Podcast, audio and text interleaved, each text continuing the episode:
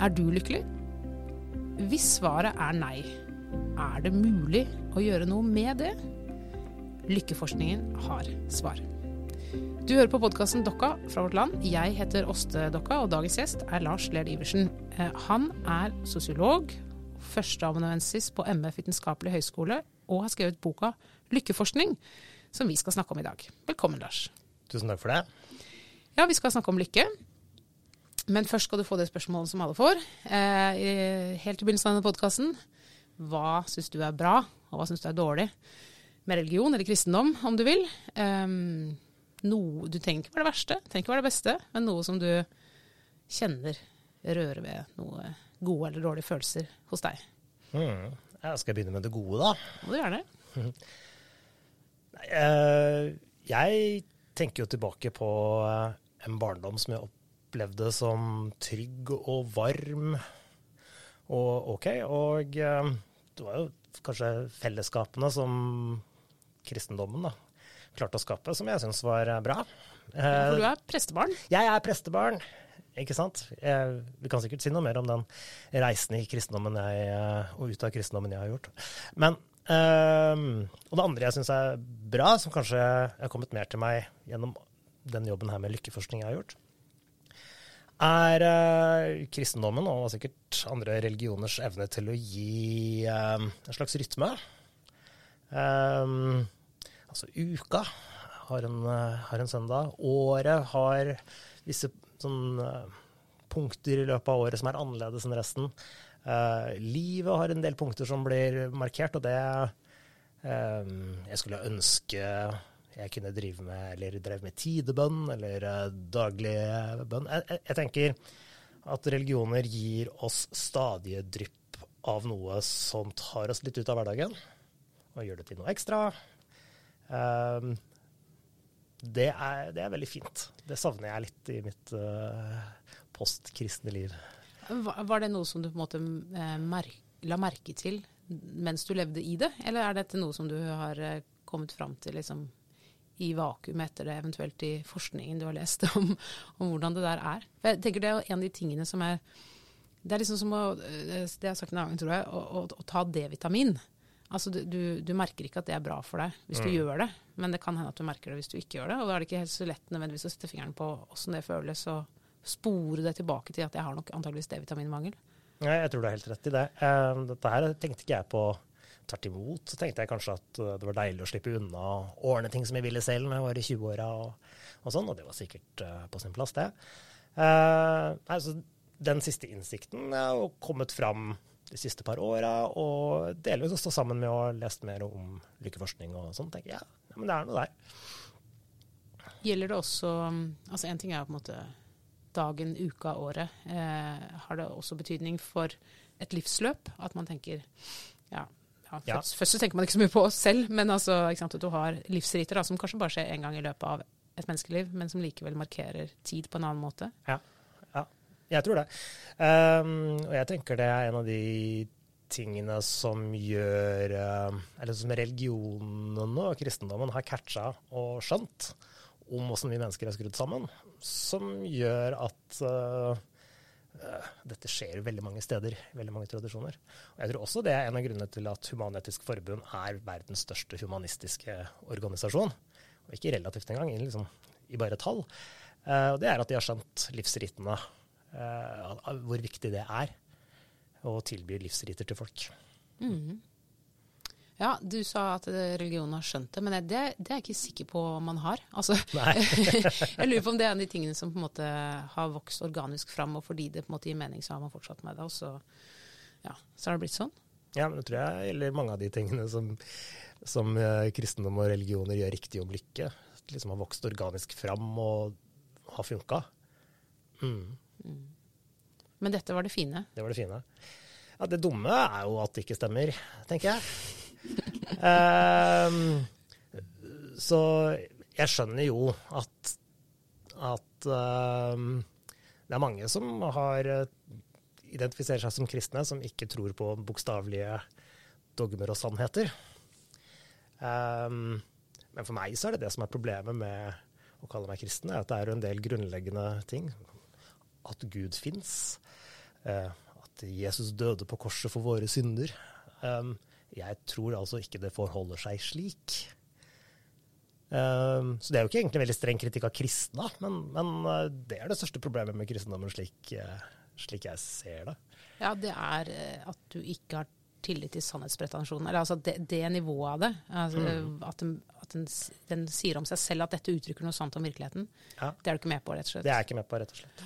Så veit jeg jo kanskje Altså, jeg vokste jo opp i Det var ikke veldig konservativt, men det var sånn norsk lavkirkelig, men innafor Den norske kirke. Prestesønn.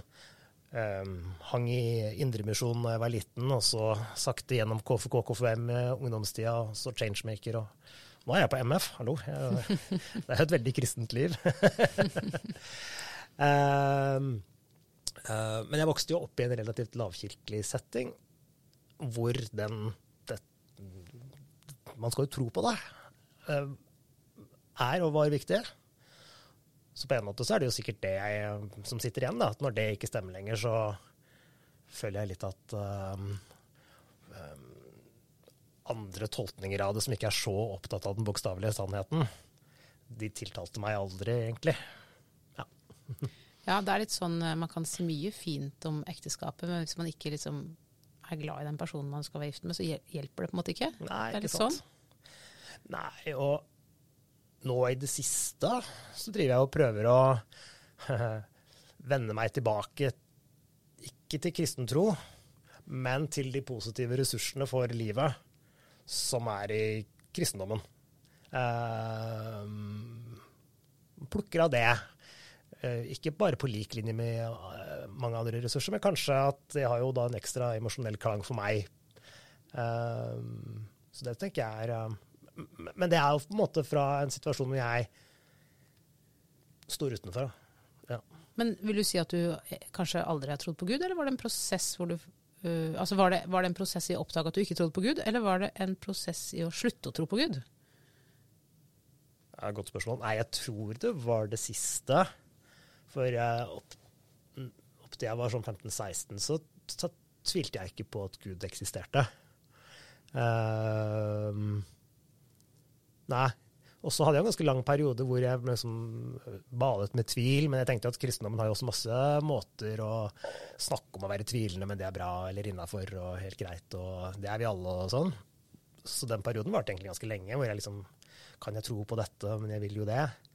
Til jeg Jeg husker ikke akkurat når det var, jeg. Men tidlig i 20-åra så var jeg mer sånn Nei, men dette, dette trenger jeg jo å identifisere meg med. Da slipper jeg alle disse her vanskelige selvmotsigelsene og avgjørelsene. De, de trenger ikke å, å, angå meg lenger. Um, så når jeg sa det, nei, jeg tror ikke jeg er kristen lenger, så ble livet veldig mye mer ukomplisert.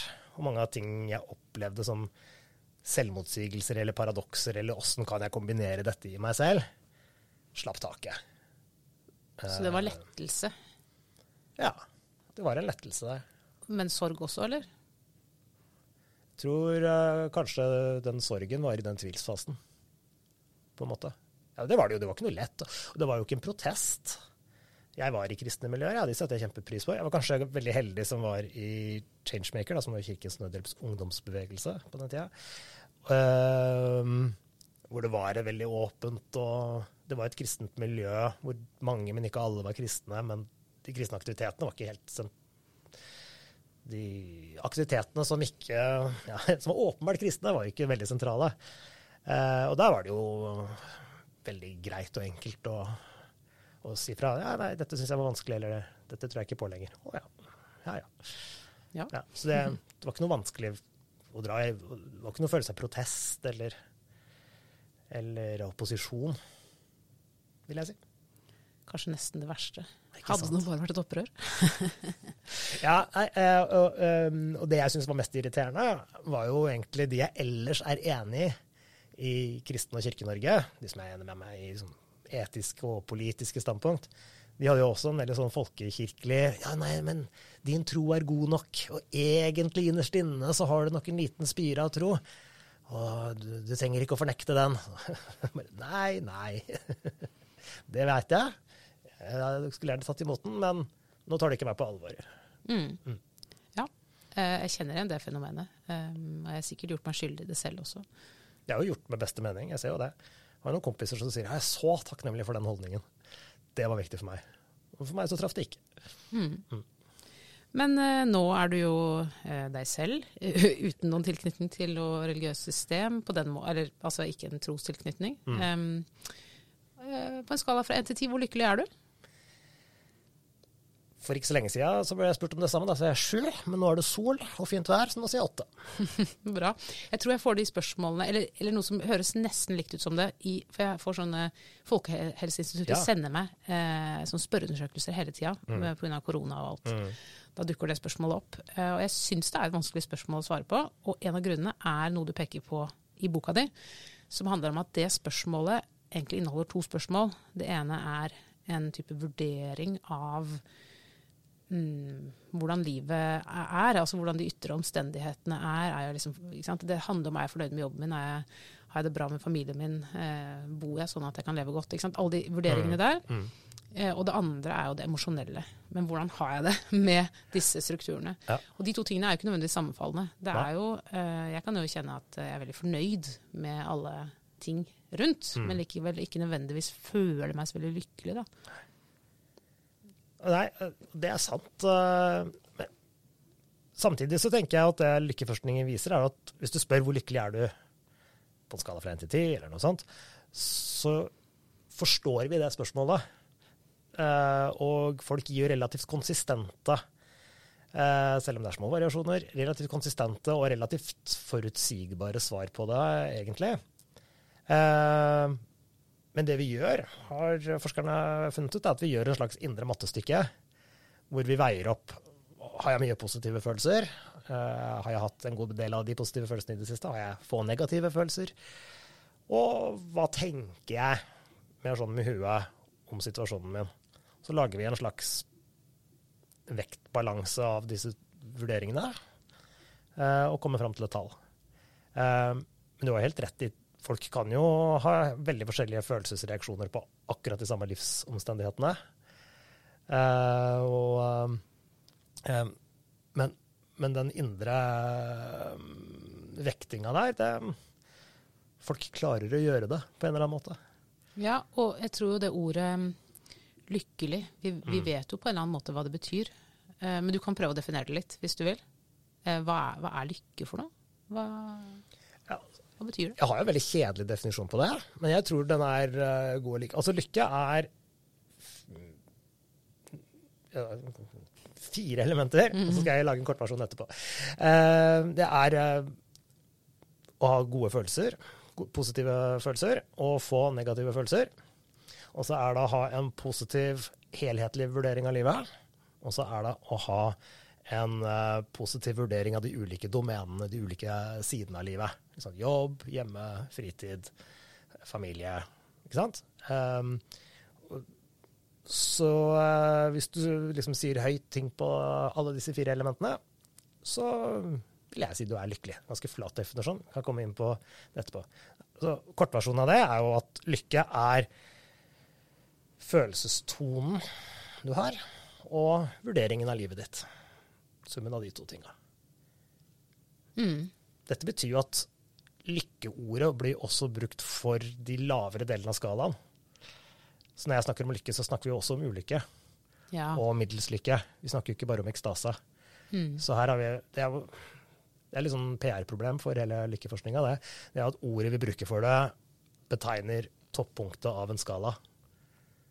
Og der er det jo ekstase og hurra med rundt og ja, Så det ville være som vi uh, snakka om all temperatur i forhold til om det er kokvarmt eller ikke? Ja, ja. Hvor kokende er det nå? Ja. Det er veldig lite kokende, det er kaldt. Mm. Ja, ikke sant. Ja. ja. Men um, jeg, eh, samtidig, omtrent som jeg leste boka di, så leste jeg, eh, skumma jeg på nytt gjennom Freuds bok 'Ubehag i kulturen', som er en artig liten sak. Eh, jeg hadde nemlig glemt det som sto der, selv om jeg visste at jeg syntes det var en morsom bok. Så tenkte jeg hva sto der, jeg husker ikke. Men så, så leste jeg litt på nytt. Og han sier jo eh, at eh, lykke er episodisk, altså den er ikke konstant. Så at det beste vi kan oppnå av sånn konstant livsopplevelse, da, det er en sånn lunkent velvære. mens, mens, eh, mens, lykken da er bare noen små blaff. Um, og at det er noe ved vår konstitusjon som menneske som gjør det vanskelig å erfare lykke. Mens ulykke, det er vi, vi mye, er vi mye åpnere for på en eller annen måte. Mm. Uh, hva tror du om det? Nei, um, altså på en måte har han jo rett. Um, boka har jo en liten sånn biologisk uh, bit i seg. Og hvis vi spør hvorfor i alle dager skal vi i denne kroppen vi har, oppleve lykke, så er det jo for at uh, det er et belønning for når vi har gjort noe som er riktig for oss.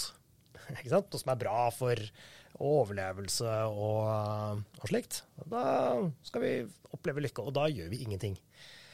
Så å være konstant lykkelig, ekstremt lykkelig, er uh, ikke så lurt.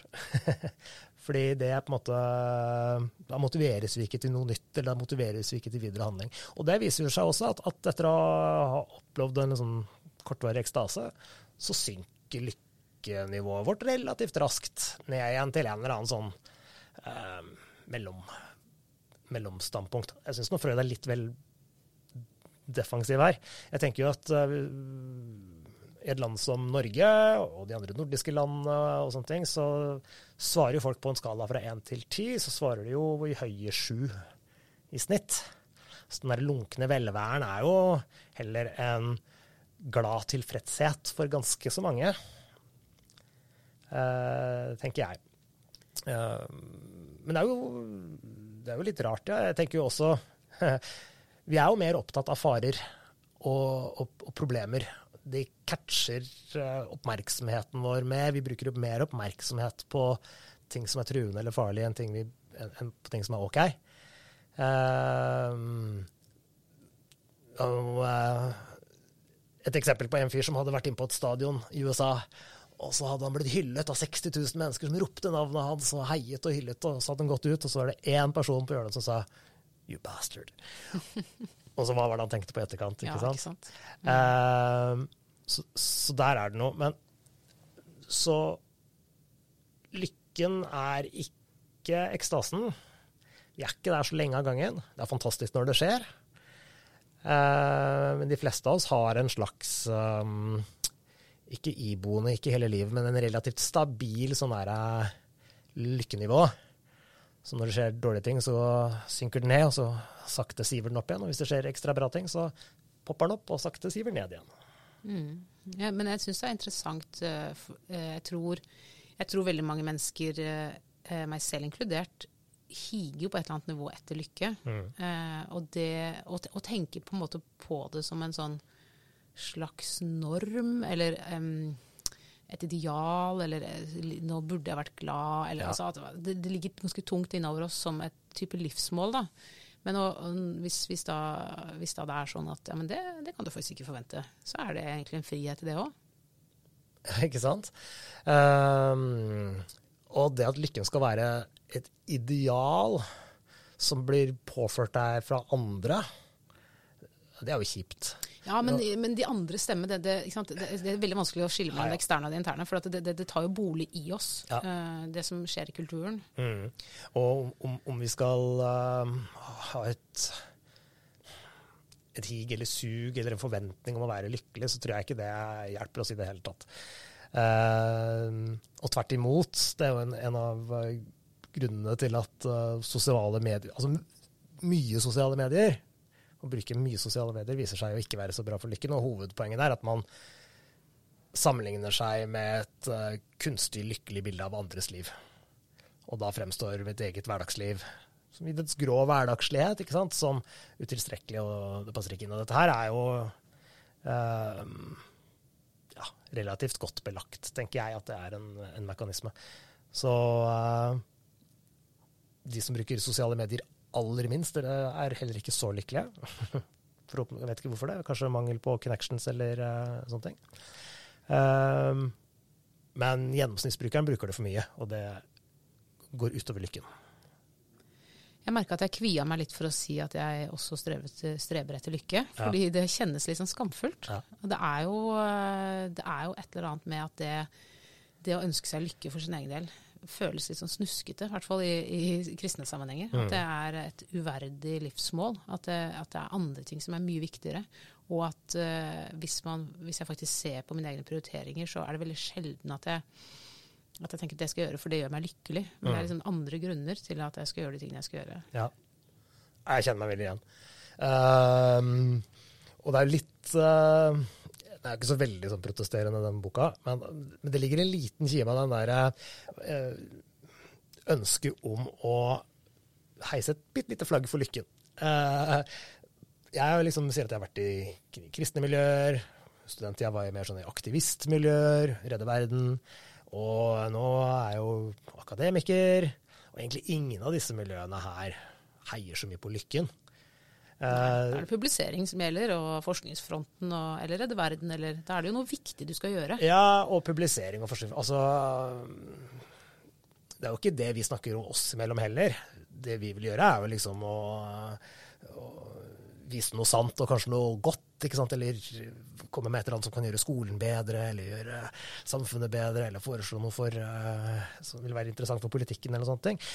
Uh, så alle dette her er mer verdige mål enn en lykken. Og i tillegg så tenker jeg at lykkeforskning og sånne ting har en, en sånn kulturell lavstatus, flyplasslitteraturfølelse. Um, selvhjelpslitteraturen uh, ligger i, liksom i, i, samme bås, eller overlappede båser. Det her det er jo en god del av lykkelitteraturen som er selvhjelpslitteratur.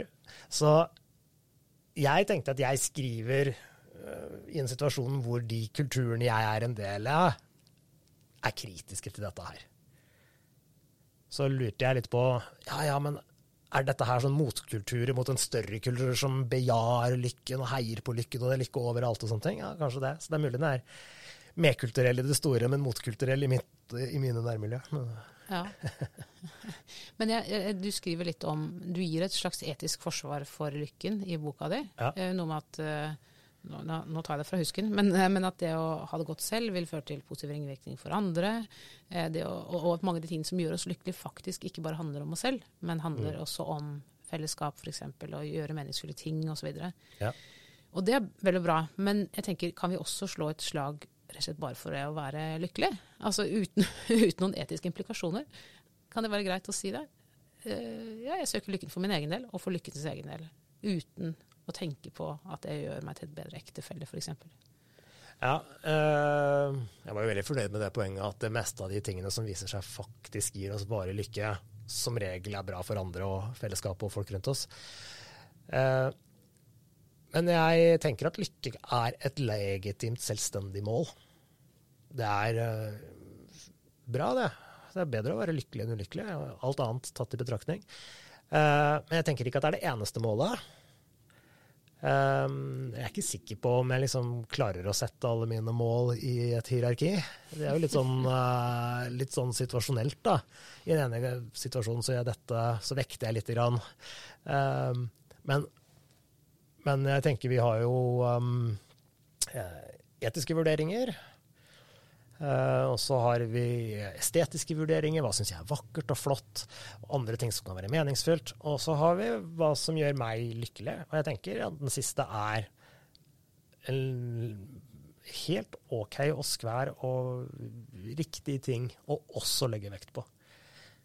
Um, men det finnes jo noen i yrkesforskninga som sier at som er beinharde utilitarister, da, eller sånne konsekvensetikere, og sier at nei, nei, mest mulig lykke for flest mulig folk det er på en måte det er på en måte det høyeste gode, og alle andre ting må støtte opp under det. Der er ikke jeg. Jeg tenker det kan være andre vurderinger i tillegg til lykke som vi også må ha med i sjongleringa vår. Det kan jo hende at uh, de som er kritiske til uh, lykke som mål, er folk som trenger å rettferdiggjøre for seg selv at de ikke er så lykkelige. Ja, ikke sant? At det, det må, jeg er kanskje ikke så lykkelig, men det er tross alt ikke det som er livsprosjektet mitt heller. For jeg hjelper nemlig sultne barn i utlandet. Mm -hmm. Nettopp. Ja, ja eh, vi vil jo alle rettferdiggjøre våre egne, våre egne liv. Eh, jeg tenker de som ikke er så lykkelige fordi de sliter seg ut med å hjelpe lykkelige barn i uh, andre steder i verden, de uh, ære være dem for det. Uh, men jeg tenker at uh, en som også sørger for å ha det bra med seg selv og leve et OK liv, særlig hvis det ikke går utover andre. Eh, det, er også, det er også verdt det. Fint. Nå snakker vi jo uh, som om lykke kun handler om meg selv. Um, mm. Men det har, jo, det har, jo, veldig mye å gjøre med strukturer, viser du jo i boka. At det handler mye om hva samfunnet har lagt opp til rundt oss. Hvilke valg som er lett å ta, hvilke som er vanskelig å ta. Eh, økonomisk situasjon osv. Mm. Eh, kan man vekte det, eller kan man eh, si noe om en, hva er viktigst, hva, hva slags type jeg, jeg, tror jeg leste et eller annet sted, ikke din bok, men at folk som lever i i uh, ganske sånn uh, alvorlige uh, kriser, krig osv. At, de, at de gjenfinner nesten sitt vanlige lykkenivå etter en liten stund. Etter at liksom sjokket har gått over. det er mulig at er, at jeg ljug, men, men, det, men det i hvert fall illustrerer jo liksom det er det, er det å ha det, det, er forskjell mellom hvordan du Hva heter det? Har det, og hvordan du tar det. Ja. Ja. ja øh, det er jo uh, interessante og viktige ting der. Det tror jeg er en av, av, av, kjernekritikkene av lykkeforskningen. At den har vært for individualistisk. ikke sant? Hva kan jeg gjøre for å bli lykkelig? Hva kan du gjøre? Her er fem triks. Uh, ti veier uh, til lykke. det jeg prøver å få fram i boka, er jo at lykkeforskningen har jo faktisk kommet fram til en del arenaer og ting som vi etter hvert har ganske godt grunnlag for å si gjør folk lykkeligere enn andre ting. Men ganske mye av dette er det vanskelig og lite produktivt å legge på individets skuldre.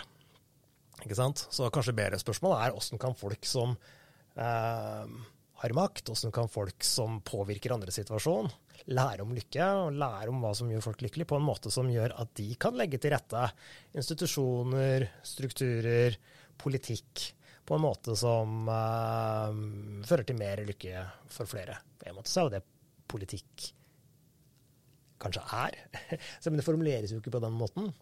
Uh, men jeg tenker jo at uh, ledere i bedrifter, lærere, rektorer kanskje enda mer, Eh, eh, trenere idrettslag, alle folk som på en måte legger til rette for andre.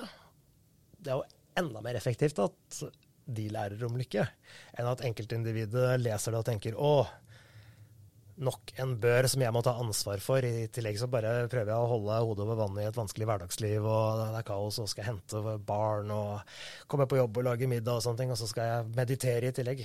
Det går jo ikke. Um, så i boka prøver jeg da å ikke gå i den individualistiske fella i så stor grad. Um, som en god del av den andre lykkeforskninga gjør, tenker jeg. Men når det gjelder på samfunnsnivå, um, så tenker jeg at uh, Jeg tror det du vil si er et samfunn som er relativt stabilt, men så skjer det et eller annet sprøtt og fryktelig negativt. Men så kommer det en stabilitet igjen etterpå. Da vil jeg tro at den lykkenivået vil At denne grusomme hendelsen ikke vil ha så mye å si som folk tror. Men hvis du lever i et samfunn som er kaotisk over tid, ja. så er det ikke bra for lykken. Og, de, de landene som gjør det absolutt dårligst i sånne lykkerangeringer, er jo land i borgerkrig og kaos, hovedsakelig. Eh, de landene som gjør det jo best, da, altså de fem nordiske landene er jo alle på topp sju. Eh, så det er jo fint å være rik og stabil. Samtidig så har vi jo veldig høye selvmordstall i Norge. Det ja. eh, har lykke kan man liksom, Er det noe korrelasjon Nei, tydeligvis ikke noe korrelasjon da, mellom selvmordstall og lykkenivå i befolkninga? Ikke helt sikker på hvordan selvmordstallene er sammenligna med andre. Det er jo alltid tror, for høye. Jeg tror, tror, de er for høye. Altså de er høyere i Norge enn i, enn i mange andre land. Ja. Sånn som jeg har forstått det. Men uh, nå, nå, er vi på anekdotisk nivå her. Ja. Ja, nei, Det, det veit jeg ikke. Men uh, jeg vil jo tro at det som skjer i de nordiske landene, grunnen til at de gjør det bra, det er jo ikke nødvendigvis fordi at vi er best på den dårligste prosenten av befolkningen. Og heller ikke fordi at de aller beste er så superlykkelige. Men jeg vil si at det er jo fordi at den derre tre fjerdedeler-samfunnet gjør det bra. Ikke sant? Uh, så hvis du ser på noen som i Norge ja, Kanskje det er litt annerledes akkurat nå i disse tidene, og det forklarer litt om uh, hvor folk går velgermessig. Men hvis du tar en person som tjener mindre enn gjennomsnittet, men ikke helt, ikke helt nederst på skalaen, studerer, ikke sant? en som er ca. Uh, på 30, mm. hvor 100 er den rikeste og 1 er den fattigste, så er nummer 30, har vedkommende greit nok? Og de samfunnene som kan svare ja, de har mat over hodet og Mat, over hodet. de har tak over hodet, de har uh, mat på bordet, de kan klare seg relativt greit. De samfunnene gjør det bra, for det er de få som skårer to og tre på lykkeskalaen, og mange som skårer seks, sju og åtte. Så ja. Uh, uh du skriver ganske en del i boka om fellesskap, mm. um, og om at det er en positiv, styrkende ting å oppleve seg som del av både små og store fellesskap. Um, og at uh, fellesskap er avhengig av grenser, og dermed mm. så blir eksklusjon også en konsekvens av at det finnes fellesskap. Mens eksklusjon er en dårlig ting. Mm. mm så du har på en måte et ganske sånn tvega sverd der. Ja.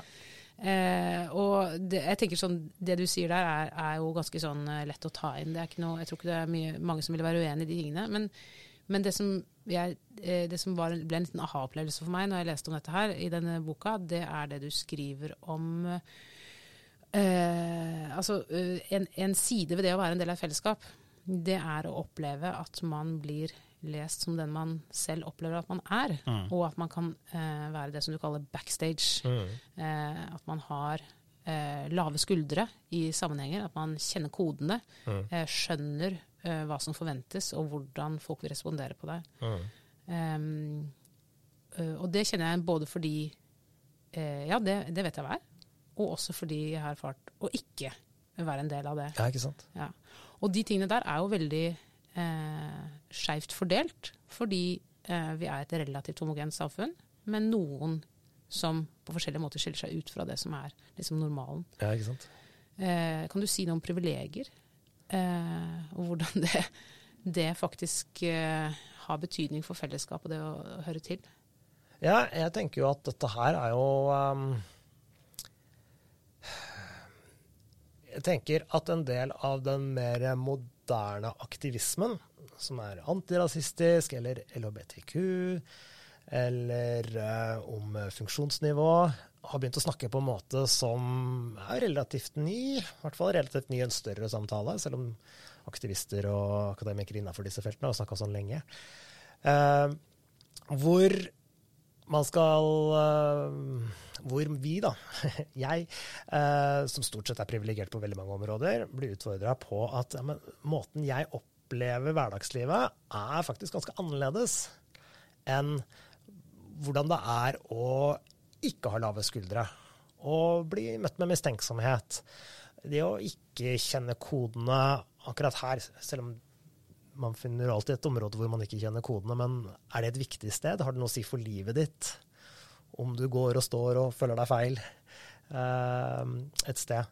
Så uh, uh, jeg tenker jo at denne her innsikten fra lykkeforskningen om at fellesskap er det aller viktigste, det tenker jeg er fair å si. De relasjonene vi har til andre, de fellesskapene vi kan gå i, det er noe av det aller viktigste vi har for livet for å kunne ha det bra som mennesker. Og når eksklusjonsmekanismene i samfunnet vårt da fungerer på en sånn måte at dette er det vanskeligere for marginaliserte grupper å oppnå, så er det iallfall lettere for meg å forstå hvorfor disse kampene er så eksistensielle og så viktige. Og at det er ikke den det er ikke bare den ekstreme volden eller den direkte hatet som er problemet, men også hverdagsrasismen eller den eh, skjulte homofobien og de hverdagslige tilsidesettingene av folk med funksjonsutfordringers eh, problemer. ikke sant? Det føles jo som at ah, her hører jeg ikke helt hjemme. Her får jeg ikke slappe av. Her blir jeg ikke sett. Og, og, og lykkeforskning er jo en omvei, da. til, til, å se hvor viktig dette her er. Og det er jo også noe jeg tenker en god del av lykke mm. det er jo en positiv ting da, med å komme som sosiolog og samfunnsviter og prøve å lese lykkeforskningen, for jeg syns ikke lykkeforskningen alltid ser dette her. Det jeg har jo forstått, at jeg er jo hele tiden i en slags jeg kaller det for samhandlingsrituell medvind.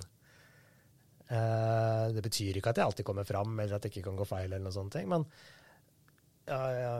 medvind i ryggen i at i de settingene jeg går og står, og de settingene er ganske viktige, eller i hvert fall mainstream, så merker ikke jeg så mye motstand. Men den motstanden fins i samfunnet, og jeg ser den ikke hvis ikke jeg blir fortalt det. Nei, det er noe med at hvis jeg går på T-banen en kveld sammen med mine venner, så bare går vi på T-banen. Ja. Men hvis det er en eh, gjeng med mørkhudede unge menn som går på T-banen med sine venner, så blir de møtt med et helt annet blikk da, enn mm. det jeg ville gjort. Og plutselig så må du tenke over hvor du er, hvordan folk ser deg. Um, hva slags misbilligelse eller mistenksomhet du blir møtt med. Det er ganske formende, vil jeg tro, for hvordan du oppfatter verden. Og ja. deg selv i den. Ja. Eh, vanskelig for meg å finne gode eksempler som beskriver det, for det er jo ikke mine, mine eksempler. Men, men, eh, det er jo det samme det som folk sier som um, Altså, jobber jeg på en vitenskapelig høyskole. Studenter der som er førstegenerasjonsstudenter, som ikke har foreldre som har vært på universiteter og høyskoler før. Hva gjør man her? Åssen går man? Åssen står man? Åssen snakker man til lærerne? Uh, hva, hva, er greia? Um, det gjør jo også at man ikke får vist seg fra sin beste side. Uh, så, det er jo på en måte Det er jo ikke umulig det er jo ikke umulig å komme fram. Man kan overvinne dette, men det er jo en motvind som blåser litt hardere mot noen, og en medvind som blåser litt for, for meg, da, f.eks. Ja, og jeg tror at uh, det eksempelet med førstegenerasjonsstudenter det er veldig interessant. For jeg tror de, de fleste som begynner uh, å studere, uh, også akademikerbarn, ja. føler seg fremmede og usikre og sånn. Men man har kanskje likevel en forventning om at dette skal, dette skal nok ordne seg. Dette, jeg, jeg, har en plass her. Ja. Det er helt naturlig at jeg er her, og jeg skal finne ut av det. men den, den liksom tilliten jo, er jo ikke nødvendigvis delt av, av ungdommer som kommer fra andre typer familier. Nei, og det tror jeg er helt riktig, at den der første opplevelsen dras i ulike retninger. Uh, hvor Å, her er det vanskelig, her må jeg å, Jeg håper dette bedrer seg. Blir til Hører jeg egentlig hjemme her? Jeg har jo en deltidsjobb, jeg kan jo øke den til tre eller fire ganger i uka. Og så glir man ut. Uh, og det er jo en følelse av å ikke høre til. Og, uh, og det gjør vondt, da. Uh, Og, eh, så det tenker jeg er et, et interessant og fint møte da, mellom lykkeforskningen og en mer sånn kritisk samfunns, uh, samfunnsvitenskap. Um, vi, dette er jo en podkast i vårt land. Vi har allerede snakka litt om kristendom og, og, sånn. Men religion spiller jo en, en, ikke uvesentlig rolle i denne boka. Um, som en type arena for livsutfoldelse som har betydning for åssen mennesker har det. Um, uh, Freud, for å vende tilbake til han, da, ja. skriver, skriver, at eh, spørsmålet om livets hensikt det står og faller med det religiøse system. Uh, og uh, han avviser jo religion, mm. Freud. Um, så derfor så vil han heller ikke spørre etter livets hensikt, men heller se etter måter å leve på. Altså ikke, ja. ikke, ikke, ikke, snakke om livets dypeste mening, liksom, men heller hvordan, hvordan gjør vi det, åssen får vi det til. Um, dette ble en litt rotete inngang til spørsmålet om hva, hva religion gjør for oss. Uh, mm. Eller for dem som er innafor i de systemene. Ja, men det kan være interessant å ta tak i dette med mening først, da. Uh, hvis jeg tolka det riktig, så vil de si at det er noe skille mellom mening i livet og mening med livet. Mm. Uh, og det tror jeg er jo uh, makes sense det er blitt vanskeligere å liksom si at meninga med livet er noe der ute som Det er i hvert fall ikke objektivt, det er bare slik det er. Og et steg ned fra det Vi er jo heller ikke så veldig enige nødvendigvis. Eh, sånn Vi har ikke noen sånn felles kultur med noen klare felles ideer om hva som er meninga med livet. Men eh, mening forsvinner jo ikke men, men, men, mening i livet er jo noe som oppleves bra. Det, det kan være verdt å tenke litt mer på hva forholdet mellom mening og lykke er. Mm. Fordi det er jo en god del um, lykkeforskere som tenker at det, det, er ikke ekte lykke hvis det ikke er meningsfylt. Uh, så meningen blir på en måte en del av definisjonen av lykke. Uh, og jeg forstår det. Det tenker jeg det føles jo mer sånn rikt og kanskje litt filosofisk dypere enn sånn rent uh, uh, nytelsesorientert, uh, sanselig glede. Um, men det viser seg jo at det går an å ha det meningsfylt å være ulykkelig. Og det går an å være ganske lykkelig og ikke oppleve så mye mening. så det er ikke noen Jeg tror ikke det er noen iboende definisjonsmessig kobling mellom lykke og mening. Jeg, og tilsvarende tenker jeg det, være, det er ikke noe kobling mellom det gode og lykke heller. Hvis du er en ond diktator og føler mestring og glede ved å rulle ut dine fæle planer, så tenker jeg at eh, samfunnsforskeren eller lykkeforskeren må si ja, ja men uh, han og hun er lykkelig. Når det er sagt, så er det mye som tyder på at hvis du vil at uh, lykke skal vare, å være slitesterkt, så er det å finne noe meningsfullt å gjøre den beste strategien du har. Så mening er på en måte kobla til lykke, ikke iboende og ikke en sånn indre kobling, men at meningsfulle ting um, er en god strategi. Uh, og folk som gjør meningsfulle ting, de opplever oftere lykke enn andre. Ikke alltid, men oftere lykke enn andre. Og den lykken er mer langvarig og kanskje slitesterk. Um, og et, et, godt eksempel som jeg har plukka fra noen andre, det er ikke mitt eget, men, men um, det har jo ofte med at uh, de tingene som er sånn rein, enkel, sanselig glede, nytte, er supre ting, det. Og jeg bruker eksempelet å spise is. Hvis du spiser en kuleis, ah, kjempegodt. Og det er ikke galt. Det er helt legitimt, fantastiske sanseopplevelser at du får den derre åh, det, det, er jo veldig, veldig godt med en god is. Mm. Og så tar du en til. Ja, den er god, den òg. Den tredje begynner kanskje å bli litt lei, og den tiende er jo en straff. Mm. Ja. Men å lære å spille piano, eller lære deg en idrett, eller en ferdighet, eller å pleie relasjoner til en venn eh, så er det noe som er sosialt meningsfullt, eller noe som er å bygge en ferdighet. Det er jo ganske kjipt først. Du må ta deg sammen for å komme deg ut og løpe, eller ringe tante Britt. ikke sant? Eh, men å gjøre det flere og flere ganger, så blir du bedre og bedre. Du har ikke den, den der fallende grensenytten eh, som det å spise is har.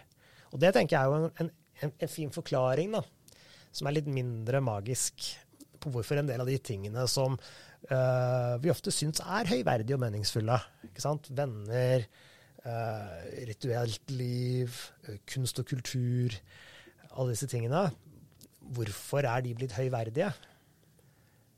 Jeg, jeg, tror det er fordi at de har en sånn lykkekurve som er stigende. da. Jo mer du gjør det, jo mer det setter det inn i deg, jo mer rikt og meningsfullt er det. Og det er nøkkelen til at dette er varige grunner til lykke. Men, ja, og jeg er helt med på det der. Men, det, men jeg lurer også på det der meningsbegrepet. Altså hva er, hva er meningsfullt? La oss si i arbeidslivet, da. Mm. Hvis du er sykepleier og eh, jobber på en avdeling hvor du skal eh, hva skal vi si, gi omsorg og pleie til mm. mennesker mm. som trenger det. Mm. Mm. Det er liksom intuitivt meningsfullt. Ja. Det, det, det, tror jeg vi bare kunne måtte si. Ja, ja. Um, og så kan, men så kan du jobbe med å selge kamerautstyr. Mm. Du kan være også veldig flink til det. Du kan jo ha gode relasjoner til kollegene dine. Du kan bli bedre og bedre. Du kan lære deg mye mer om utstyret. Ja, ikke sant? Du kan bli ja. mer salgsteknisk. Og på en eller annen måte så er det også inni et sånn type logikk som vil kanskje, det vet jeg ikke, aldri så, så kamerautstyr, gjøre at det på en eller annen måte oppleves meningsfullt. Men, men er det like meningsfullt? Uh, altså uh jeg vil ikke si at det er like etisk høyverdig. Uh, men hvis mening er noe eksternt um, Hva skal jeg si, ja? Men det er flere ting her. Jeg tenker jo um, som sagt at uh, vi har jo en etisk vurdering som er noe annet enn lykkevurdering. Mange blir jo mer lykkelige av å gjøre ting som er i tråd med deres etiske standarder. Men de, ikke, de, er, de er ikke et én-til-én-forhold der. Så jeg tenker det er fullt mulig å si at uh, en som jobber faglig med kameraer og forstår stadig mer og uh, kan jobbe kreativt og med et godt fellesskap etc., uh, vil jo få mange av disse her menings- og ferdighetsfordelene og ja. effektene. Uh, kanskje mer enn en sykepleier som jobber hardt og opplever at gleden ved å hjelpe andre svinner hen i rapporteringsskjemaer og turnuslister. Men jeg vil jo likevel si at det er noe annet etisk kobla til, til sykepleierens virke. Uh, og jeg vil tro at veldig mange mennesker og jeg tror det er nærmest biologisk, da, sånn som jeg snakker om i, i fellesskapskapitlet, Uh, vil oppleve glede og positive følelser ved å oppleve at det jeg gjør, hjelper noen andre. Og det er jo mer direkte hos en sykepleier enn det er hos en kamerafunksjonær. Ja, og, men dette henger jo litt sammen med Dette tror jeg blir det siste Freud-poenget mitt her. Men uh, han sier også noe om at idealene uh, som kulturen setter opp, altså etiske idealer, de gjør oss ulykkelige fordi de er umulige. Og jo mer umulige de er, desto mer høyverdige er de også. At det er en sånn sammenheng mellom det. Og han sier jo at det å elske sin neste som seg selv er liksom det, det, det mest håpløse idealet eh, av alle. Og han har flere grunner til det. Men, og, og kristendommen, også andre religioner, setter jo opp massevis av idealer for oss. Mm. Dette er jo helt direkte henta fra, fra, fra Jesu ord, eh, slik vi har dem overlevert. Men eh, så, så kan- kan de idealene også på en måte ødelegge for oss. Idealet om å hjelpe andre som sykepleier, f.eks. Kan, det- kan det også være en kilde til ulykke? ulykkelighet? Fordi at du merker at ja, men, de dør jo, disse pasientene mine. Eller de ligger jo der og gråter, eller Såret gror ikke. Ja um, tenker jeg, jeg kjenner meg jo litt igjen i det første. Jeg tenkte jeg skulle jobbe i bistandsbransjen og redde verden. Jeg ble så sliten av det. Uh, og tenkte etter hvert at um, det består jo egentlig av budsjetter og, og møter og administrasjon som uh, en rotekopp som meg. Da bruker ikke jeg mine beste evner, og andre tar jeg en plass hvor en, en annen person kunne gjort dette bedre. Uh, men for meg så var jo det en litt sånn der eh, jeg, jeg må gjøre noe litt mer egoistisk. Uh, jeg må gjøre det som passer meg bedre. Eh, hvis jeg er heldig, da, så kan det hende at jeg gjennom å så, være med studenter og kanskje eller noen ting man skriver, at man har prøvd å gjøre noe OK for andre allikevel. Eh, men jeg tenker et par steder eh, hvor en del av idealene våre kan vi aldri oppnå. Og som jeg sier, ikke sant, vi ønsker fellesskap, men vi får ikke til fellesskap uten eksklusjon. Det er en del av pakka. Og øhm, øhm, det, alle er jo med på det, men jeg tror vi glemmer det likevel i neste runde. Fordi øh, vi må jo da håndtere eh, tap. Vi må håndtere eh, å komme til kort. Vi må håndtere at vi kommer i dilemmaer hvor ingen av alternativene egentlig er gode. Eh, dette er jo sånn vi vil møte i livet. Og eh, ja eh, Det fører jo til en del vanskelige dilemmaer som jeg prøver å jeg går ikke veldig dypt, men jeg prøver liksom å peke på de og, og starte på de med, med dilemmaer som ikke kommer ut utafor når bra ting ekskluderer, formulerer jeg det som. ikke sant? Altså, Ethvert fellesskap har en utside. Hvis det, hvis du, skal ha en fungerende innside, så må det også ha en grense og en utside. Sånn tror jeg det er. Eh, et par andre ting er f.eks. Uh, det å bevege seg er bra. Det å være fysisk aktiv er bra. Men det er nesten umulig i dagens samfunn å formidle dette her i en kultur hvor det ikke blir um, hvor det ikke blir en pekefinger og blir lite konstruktivt i forhold til skjønnhetsidealer og kroppsidealer. Uh, og her føler jeg at um, det er en, en uh, Man finner den minst dårlige situasjonen. Da. Vi kommer til, kommer til å tråkke vi, vi, får ikke fram alle disse godene samtidig. Um, og her Nei, jeg tenker jo Jeg sa i stad at jeg prøver å komme meg tilbake til noen sånne kristne ressurser. Og jeg har kommet fram til, at synsbegrepet dekker akkurat dette her veldig bra. Vi er i en situasjon hvor uh, vi er dømt til å ikke nå alle idealene. Uh, hvor vi er dømt til å leve i en rotete og bedritten situasjon. Og ikke bare er ting vanskelig, men de tingene som er bra, er med å De er formet på en slik måte at de fører med seg også ulemper. Ja, selv om vi gjør alt rett, så går det likevel gærent på en ja. annen måte. Mm. Ja. Og uh, jeg tenker Det nærmest umulig, tenker jeg, er å drive antirasistisk arbeid uten å ta opp og bruke ideer om rase, f.eks. Man må gjøre det likevel, man må jo drive antirasistisk arbeid.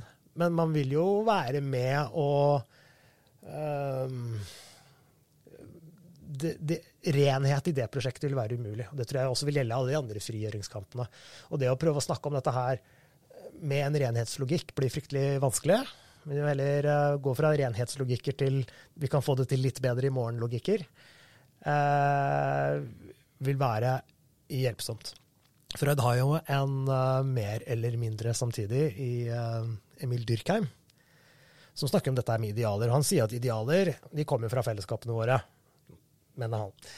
Uh, og det han sier, er jo at på en måte vi må være passe tett integrert i fellesskapene våre.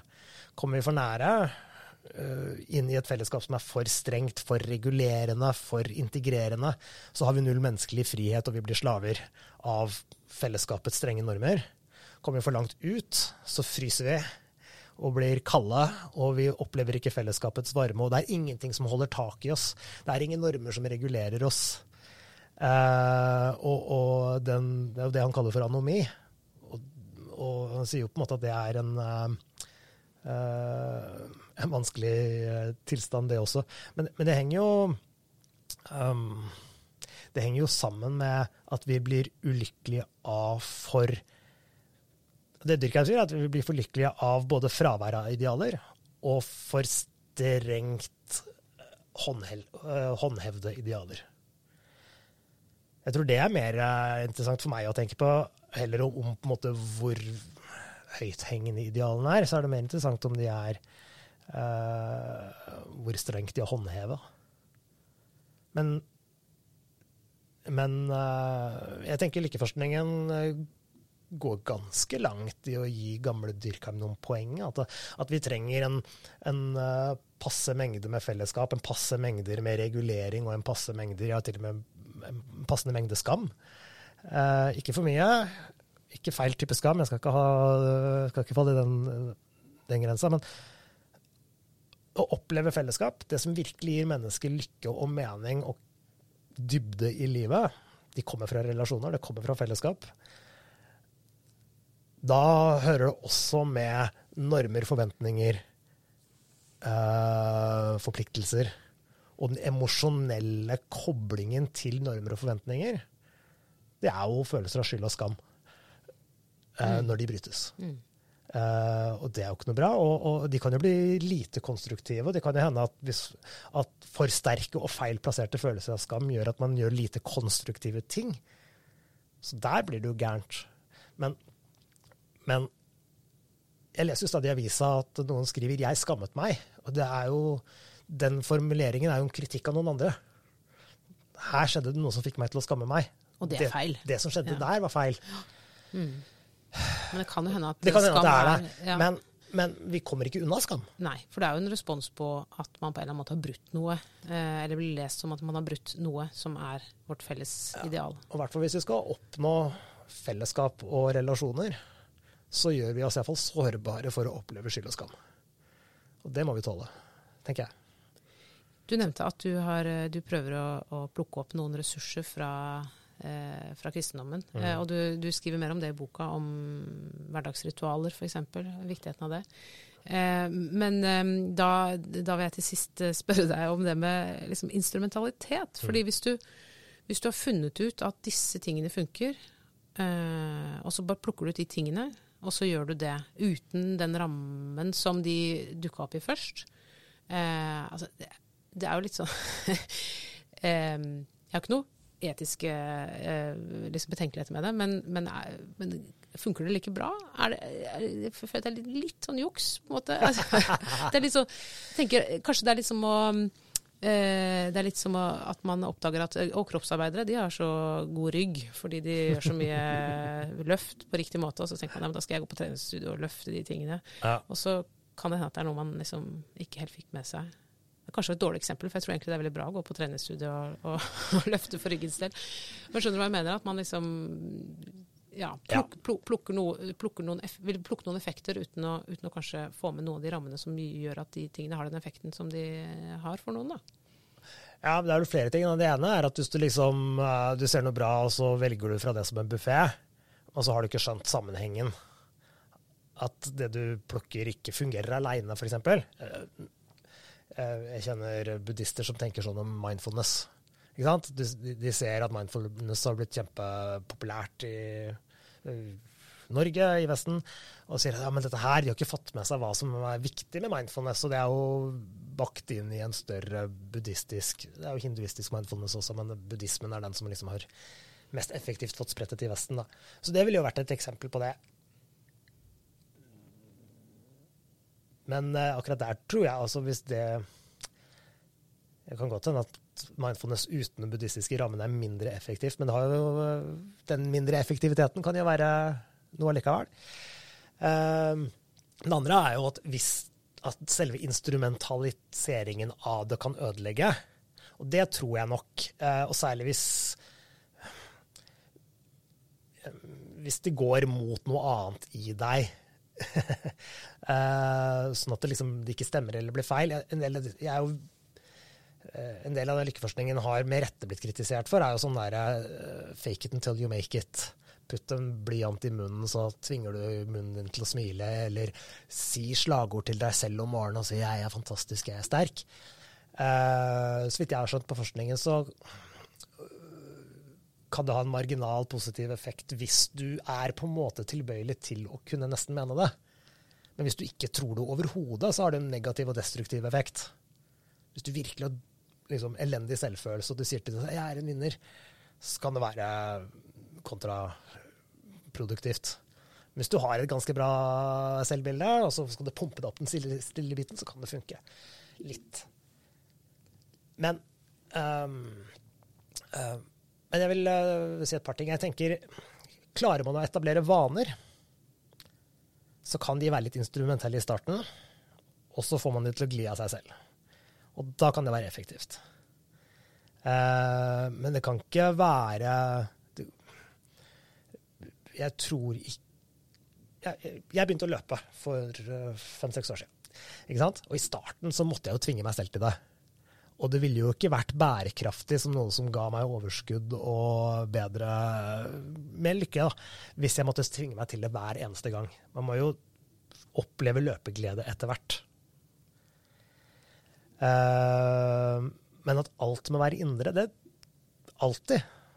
Det, det tror jeg ikke det. Man, man, kan, man, kan, lirke og lure litt, men man kan ikke overkjøre seg selv med, med instrumentalitet.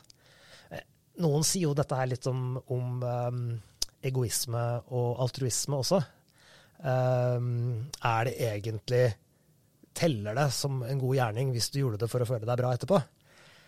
Um, det tenker jeg ja, selvfølgelig gjør det det. Ja, Hvis den har en god effekt, så må det være bra. Ja, og, og, og eh, jeg tenker jo det er et mer positivt menneskesyn. At vi, vi, blir jo gladere av å være snille mot andre, som regel. Uh, og jeg tenker jeg vil heller jobbe på en arbeidsplass hvor de der kyniske psykopatene som bare gjør det som, jeg, bare gjør det som har positiv effekt, hvis de velger å være skikkelig snille, fordi at det er det som gir liksom, effekt og er lurt på denne arbeidsplassen. Er det en mye bedre arbeidsplass enn hvor alle de slue strategene velger å være, ha, ha skarpe hva heter det, spisse albuer og være drittsekker. Uh, så jeg tror den motsetningen kan være litt overdrevet. ass. Det er bra. Eh, jeg tror vi skal la det være siste ord. Lars, tusen takk for praten, at du ville komme hit. Og du, kjære lytter, har hørt på podkasten Dokka fra vårt land. Jeg heter Åste Dokka, og produsent i dag har vært Sondre Bjørlov. Eh, du visste kanskje ikke at Vårt Land også har en annen podkast. Eh, I så fall, søk opp Kammerset på spilleren din, så vil du få ukentlige programmer om norsk politikk. Og det er hyggelig å høre fra lytterne. Eh, du kan gjerne sende oss forslag til en klok gjest, og vi blir veldig glad hvis du skriver en liten anmeldelse eller setter noen stjerner på denne podkasteren på spilleren din. Ha en riktig fin dag.